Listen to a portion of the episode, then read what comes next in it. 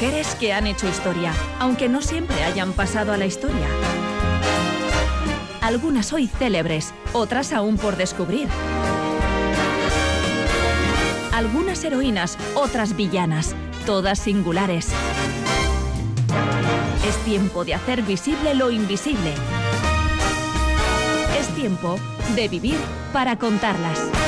¿Cuántos de ustedes son capaces de imaginar su día a día sin el teléfono móvil, sin la conexión wifi o sin el GPS? Es casi impensable. Bueno, pues sepan que nada de todo esto eh, hubiese sido posible sin la impagable aportación de una de tantas mujeres excepcionales que han permanecido invisibilizadas durante años. Mujeres extraordinarias cuyas ideas han contribuido a cambiar el mundo y que, bueno, pese a sus logros, han sido víctimas de un injusto silencio. Edurne Baz la vida sin wifi es inconcebible. ¿Qué tal? Totalmente. Pensemos en lo que hubiera sido nuestro confinamiento sin esa conexión ¿no? con el mundo exterior que se redujo prácticamente a nuestro móvil, a nuestra tableta. Bueno, pues pensemos lo que hubiera sido de nosotros, esa sensación de soledad.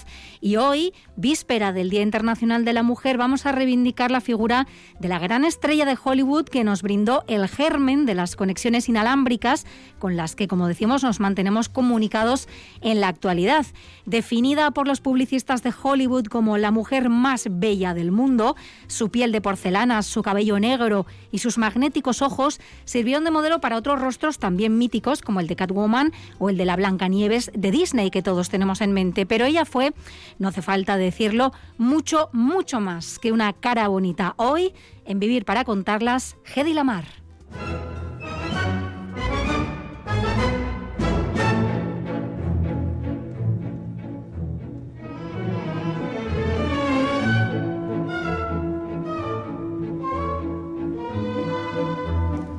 Hedwig Eva María Kisler nació en Viena, lo hace el 9 de noviembre de 1914 y hay que decir que fue la única hija de un matrimonio perteneciente a la burguesía austriaca. Sus padres, banquero él, pianista ella, eran grandes amantes de la cultura que inculcaron a Hedwig el amor por el teatro, la música o los museos. Desde muy pequeña además manifestó una gran curiosidad por el funcionamiento de las cosas y acostumbraba pues a desmontar y volver a montar sus juguetes para averiguar cuál era el mecanismo interno, ¿no? Y su padre también trataba de satisfacer la curiosidad insaciable de aquella niña, explicándole cómo funcionaban los objetos que se iban encontrando a su paso, el tranvía, una máquina de coser, una caja de música. esa curiosidad. Sí, sí, y tenía además los conocimientos también para poder explicarle ese tipo de cosas.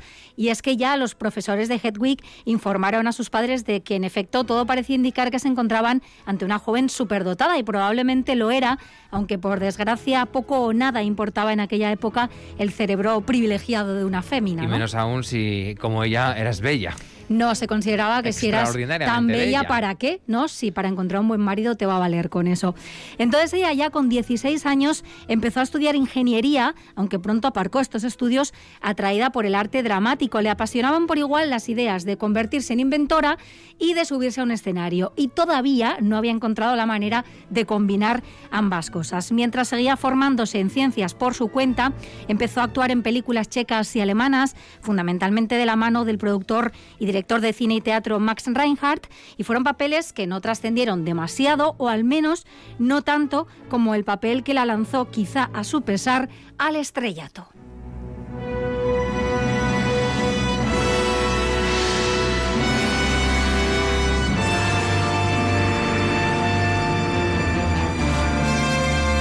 Ese papel que obtuvo y que le llevó al estrellato, eh, bueno, lo consiguió en 1933, estamos hablando de, una edad muy temprana, son 18 años, protagonizó una película, se titulaba Éxtasis, ya nos da alguna pista ese, ese título y pasó a la historia por mostrar no solo el primer desnudo integral eh, que se veía en el cine comercial, ¿no? También por más cosas. Sí, porque no solo veíamos a una joven Hedwig correteando desnuda por un bosque, sino que también fue la primera vez que se recogió un orgasmo en la gran pantalla. Era un plano corto de Hedwig en el que parecía disfrutar en efecto de lo que ese título ya adelantaba, ¿no? Del éxtasis. 1933. Cuidado, claro, el escándalo pues fue mayúscula, con sus padres ahí al borde del infarto.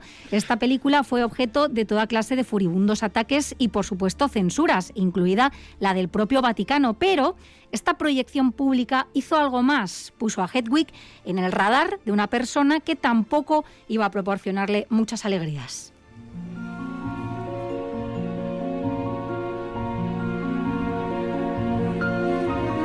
Y esa persona era el empresario de la industria armamentística Fritz Mandal, uno de los hombres más ricos en el momento ¿eh? de Austria. De alguna forma se encapricha de Hedwig, de esa belleza y anhelaba exhibirla ¿no? como trofeo entre sus amigos y sus socios comerciales. No, no era amor, sino era trofeo, básicamente. La quiero para mí y solo para mí, como veremos, ¿no? Pidió su mano a aquellos escandalizados padres quienes, ignorando por completo la voluntad de Hedwig, aceptaron, convencidos de que aquel poderoso hombre, que además era bastante más mayor que ella, podría rectificar el rumbo ¿no? de la disco, la jovencita. Y el suntuoso castillo en el que vivía el matrimonio no era para ella sino una jaula de oro. Al final, una lujosa cárcel en la que no era en absoluto feliz y desde luego no era libre. Su marido, enfermizamente celoso, la mantenía encerrada, tenía prohibido actuar, ir al teatro, frecuentar a sus amigos, tenía prohibido incluso desnudarse o bañarse si no era en presencia de su marido o de una doncella contratada a tal efecto. una mujer totalmente sometida. Sí, sí, estaba encerrada en ese castillo, literalmente, y él incluso trató sin éxito de conseguir hacerse con todas las copias de la película Éxtasis que hubiera en circulación, ¿no?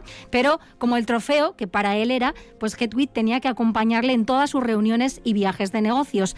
Y esa mujer, a la que consideraban demasiado guapa para ser inteligente, no era percibida como una amenaza por aquel grupo de hombres tan poderosos como ingenuos, lo que le dio a ella acceso a valiosa información que más tarde aprovecharía. Pero como una mujer bella y guapa eh, iba a ser inteligente, iba a ser capaz de pensar. Para ellos era un mueble, parte de la decoración, y hablaban sin tapujos y ella iba tomando buena nota.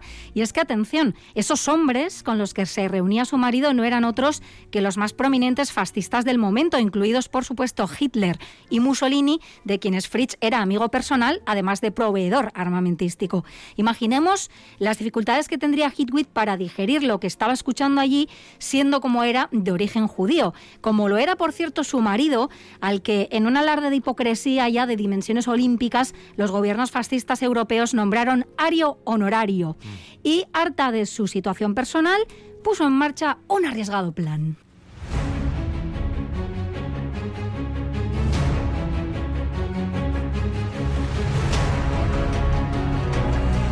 Y nos adentramos en uno de los pasajes más oscuros, eh, turbios y cinematográficos. de la vida. Estamos hablando de Hedwig. Em, una noche de 1937 se escapa ¿no? de, esa jaula de oro y de aquel matrimonio que ella misma calificaba como de esclavitud. ¿no? Así lo iba, lo iba a eh, calificar años después, de esa esclavitud. ¿Cómo huye? ¿Qué hace? Planea su fuga y bueno, hay varias versiones sobre este plan de fuga. En algunas se escapó por la ventana del baño de un restaurante, en otras huyó del castillo disfrazada con el uniforme de una criada a la que se parecía físicamente y a la que según unos habría seducido y según otros habría drogado.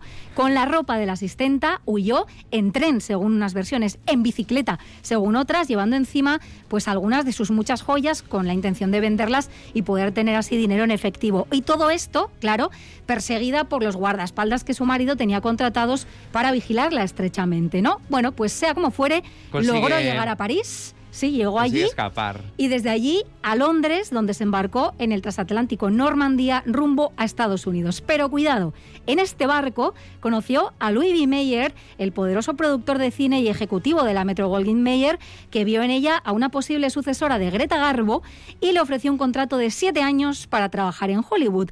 Le dio también un nuevo nombre que rompiera esos vínculos con el escándalo de éxtasis. Hedy Lamar, en honor de la actriz de cine mudo Bárbara Lamar.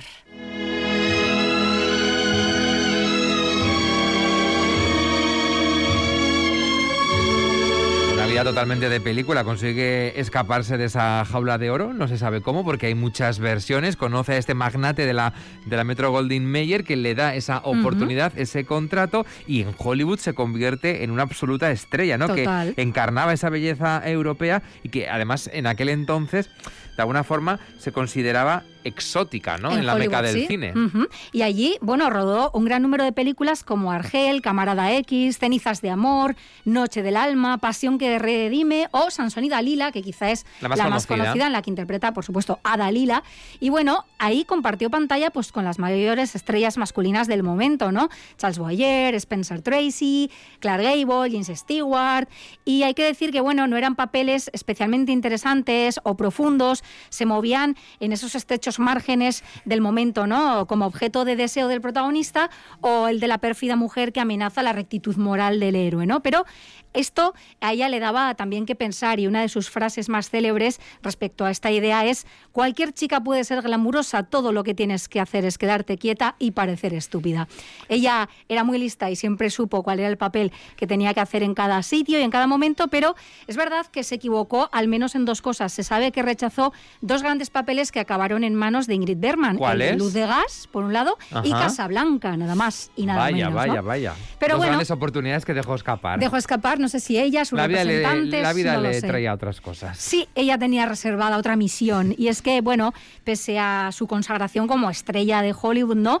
Ella no abandonó su otra gran pasión. Recordemos que ella que era ingeniera también, ¿no? Y entre rodaje y rodaje seguía trabajando en sus conocimientos de ingeniería y daba forma a inventos de lo más diverso, como un nuevo semáforo, unas tabletas que se disolvían en el agua y las convertían en un refresco de cola, o un collar fluorescente para perros. Bueno, tenía todo tipo de inventos y ella entre rodaje y rodaje iba experimentando y iba bueno, pues, pues, con sus eh, cosas fomentando ¿no? esas capacidades que tenía. Tenía ahí un mini laboratorio instalado incluso en la roulotte, también en los rodajes. Y, por ejemplo, el extravagante y promiscuo magnate Howard Hughes, con quien mantuvo una gran amistad y seguramente también un romance, como prácticamente todas las estrellas femeninas de la época, pues quería diseñar un avión que volara tan rápido como un pájaro para vendérselo al ejército. Y ella le propuso un prototipo más aerodinámico que los existentes. Le dijo que para volar como un pájaro, ese avión tendría que parecerse lo más posible a un pájaro. Y eso significaba que las formas tenían que ser más redondeadas que las que en aquel momento se trabajaban en los aviones. ¿no? Bueno, estos fueron tiempos buenos para Hedy que le permitieron combinar esas dos pasiones, la interpretación y la ingeniería. Pero llega la Segunda Guerra Mundial. ¿Qué ocurre ahí? Las guerras que todo lo dinamitan. Bueno, pues ella supo que ese era el momento de aprovechar esa información valiosa que ella tenía.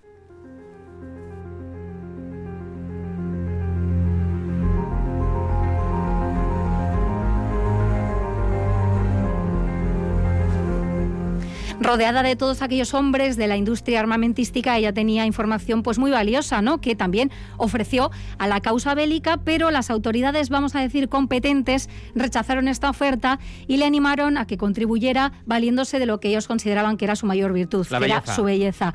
Y le dijeron, vende bonos de guerra, ¿no? Lo que hicieron muchas estrellas en la época. Bueno, pues ella aceptó, frustrada, dijo, mejor esto que nada, y junto a su representante ideó una campaña en la que cualquiera que adquiriese 25.000 dólares o más en bonos recibiría un beso de Heidi. Hay que decir que en una sola noche recaudó millones de dólares. Bueno, en cualquier caso, como hemos dicho, eh, no es una mujer, no fue una mujer que se resignase, ¿no? A que solo su belleza resultase útil para combatir al enemigo. Exacto, ella sabía que tenía mucho más que ofrecer y empezó a trabajar en el campo de las comunicaciones secretas para dar con una forma de evitar que los nazis interceptaran, como estaban haciendo hasta la fecha, esas vulnerables comunicaciones entre los barcos y los torpedos teledirigidos y junto al pianista y compositor norteamericano George Antheil, al que había conocido en una fiesta, trabajó en un mecanismo de reproducción inspirado en los rollos perforados de la pianola y en las 88 teclas de un piano y se les ocurrió que los mensajes se podrían enviar de forma fragmentada y secuencial a través de diferentes frecuencias que fueran cambiando, de manera que sincronizados el emisor y el receptor, ese mensaje se pudiera descifrar sin que las personas ajenas a esa codificación o a esa melodía, digamos, pudieran interceptarlo. Me recuerda mucho a Enigma, ¿no? claro, también, también. A, esa máquina también ideada, ¿no? Para descifrar eh, los mensajes secretos, ¿no? De los nazis. Exacto, y con la banda sonora que escuchamos de fondo, además, precisamente porque son esos sistemas para que tú y yo nos entendamos sin que un tercero intercepte esta información, ¿no? Le llamaron al invento Sistema Secreto de Comunicaciones, que era una versión temprana del salto de frecuencia o la modulación de señales en espectro expandido, y lo patentaron en el año 1942. Es decir, ellos ponen en marcha ese sistema de comunicación comunicaciones, pero entiendo que luego lo quieren de alguna forma vender, ¿no? Claro, utilizar, bueno, vender. Ellos lo ofrecieron gratuitamente. En este caso a la Armada norteamericana, que lo mantuvo guardado en un cajón durante dos décadas. Y aparte del hecho de que tecnológicamente la aplicación de esta tecnología fuera complicada para la tecnología que existía en la época, el gran problema fue que nadie les tomó en serio, ¿no? ¿Qué podían ofrecer al ejército americano una actriz de Hollywood y un músico demasiado vanguardista además para los cánones del momento, Pues tuvieron que pasar muchos años para que su invento viera la luz. La Armada de los Estados Unidos no utilizó ni por supuesto reconoció esta valiosa tecnología hasta la década de los 60, en la crisis de los misiles de Cuba y más tarde en la guerra de Vietnam o en el sistema norteamericano de defensa por satélite Milstar. En todos estos casos, hay que decirlo también, cuando la patente ya había caducado, así que vamos, ni ellos ni sus descendientes vieron un centavo aparte de todo esto.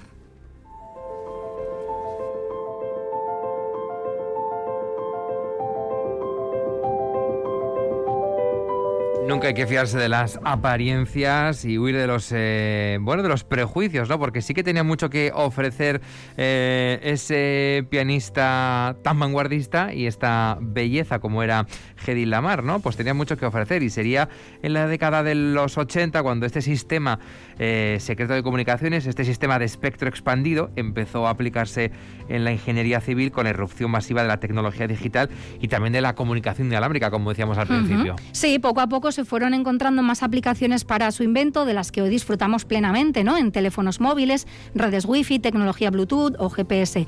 Pero el reconocimiento tardó en llegar. En 1997 concedieron a Hedy y a George el Pioneer Award, que es un galardón anual que se entrega a las personas que han contribuido a mejorar o proteger de algún modo la vida de los demás a través de la informática.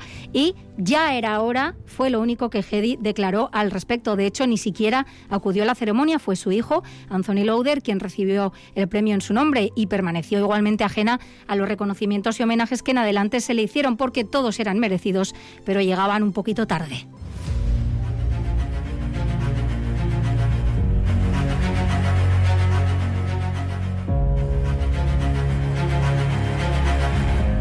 Volviendo a Hedy Lamar y a su carrera cinematográfica, tenemos que recordar que se retiró de la escena en el año 1957 pero en el 60, eh, bueno, pues le dedicaron esa estrella en el, en el Paseo de la Fama de, de, Hollywood, ¿no? Sí, y en el año 65 la Metro Goldwyn Mayer le ofreció 200.000 dólares por publicar sus memorias. No estaba previsto que las escribiera ella, sino dos escritores fantasma encargados, en teoría, de transcribir 50 horas de conversación con ella, pero no lo hicieron de forma fidedigna, o no al menos en la opinión de Hedy, que se disgustó mucho con el resultado y con cómo se centraba en asuntos morbosos vinculados a su agitada vida sentimental y sexual o a sus problemas personales y calificó esta biografía de falsa, vulgar, escandalosa, difamatoria y obscena. Intentó sin éxito que no se publicara.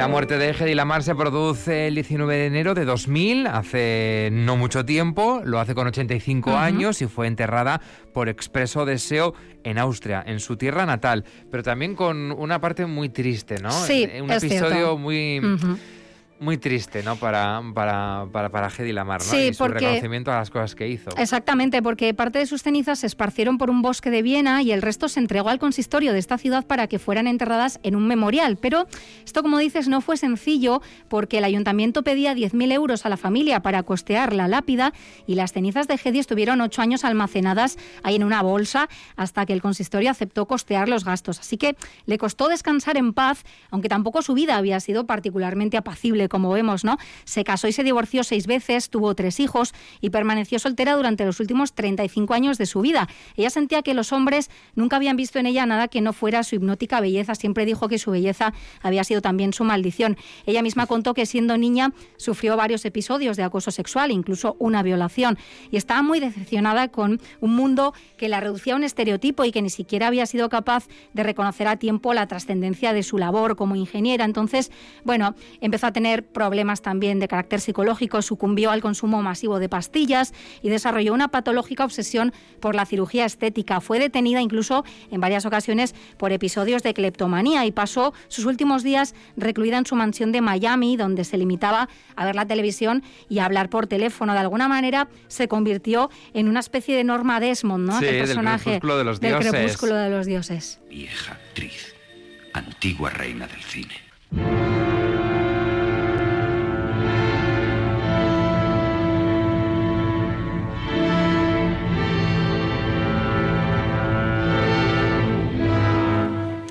Y en 2014, ya a título póstumo, Hedy Lamar recibió su estrella en el Paseo de la Fama de los Inventores de Estados Unidos y además el 9 de noviembre, fecha de su nacimiento, se celebra el Día Internacional de los Inventores.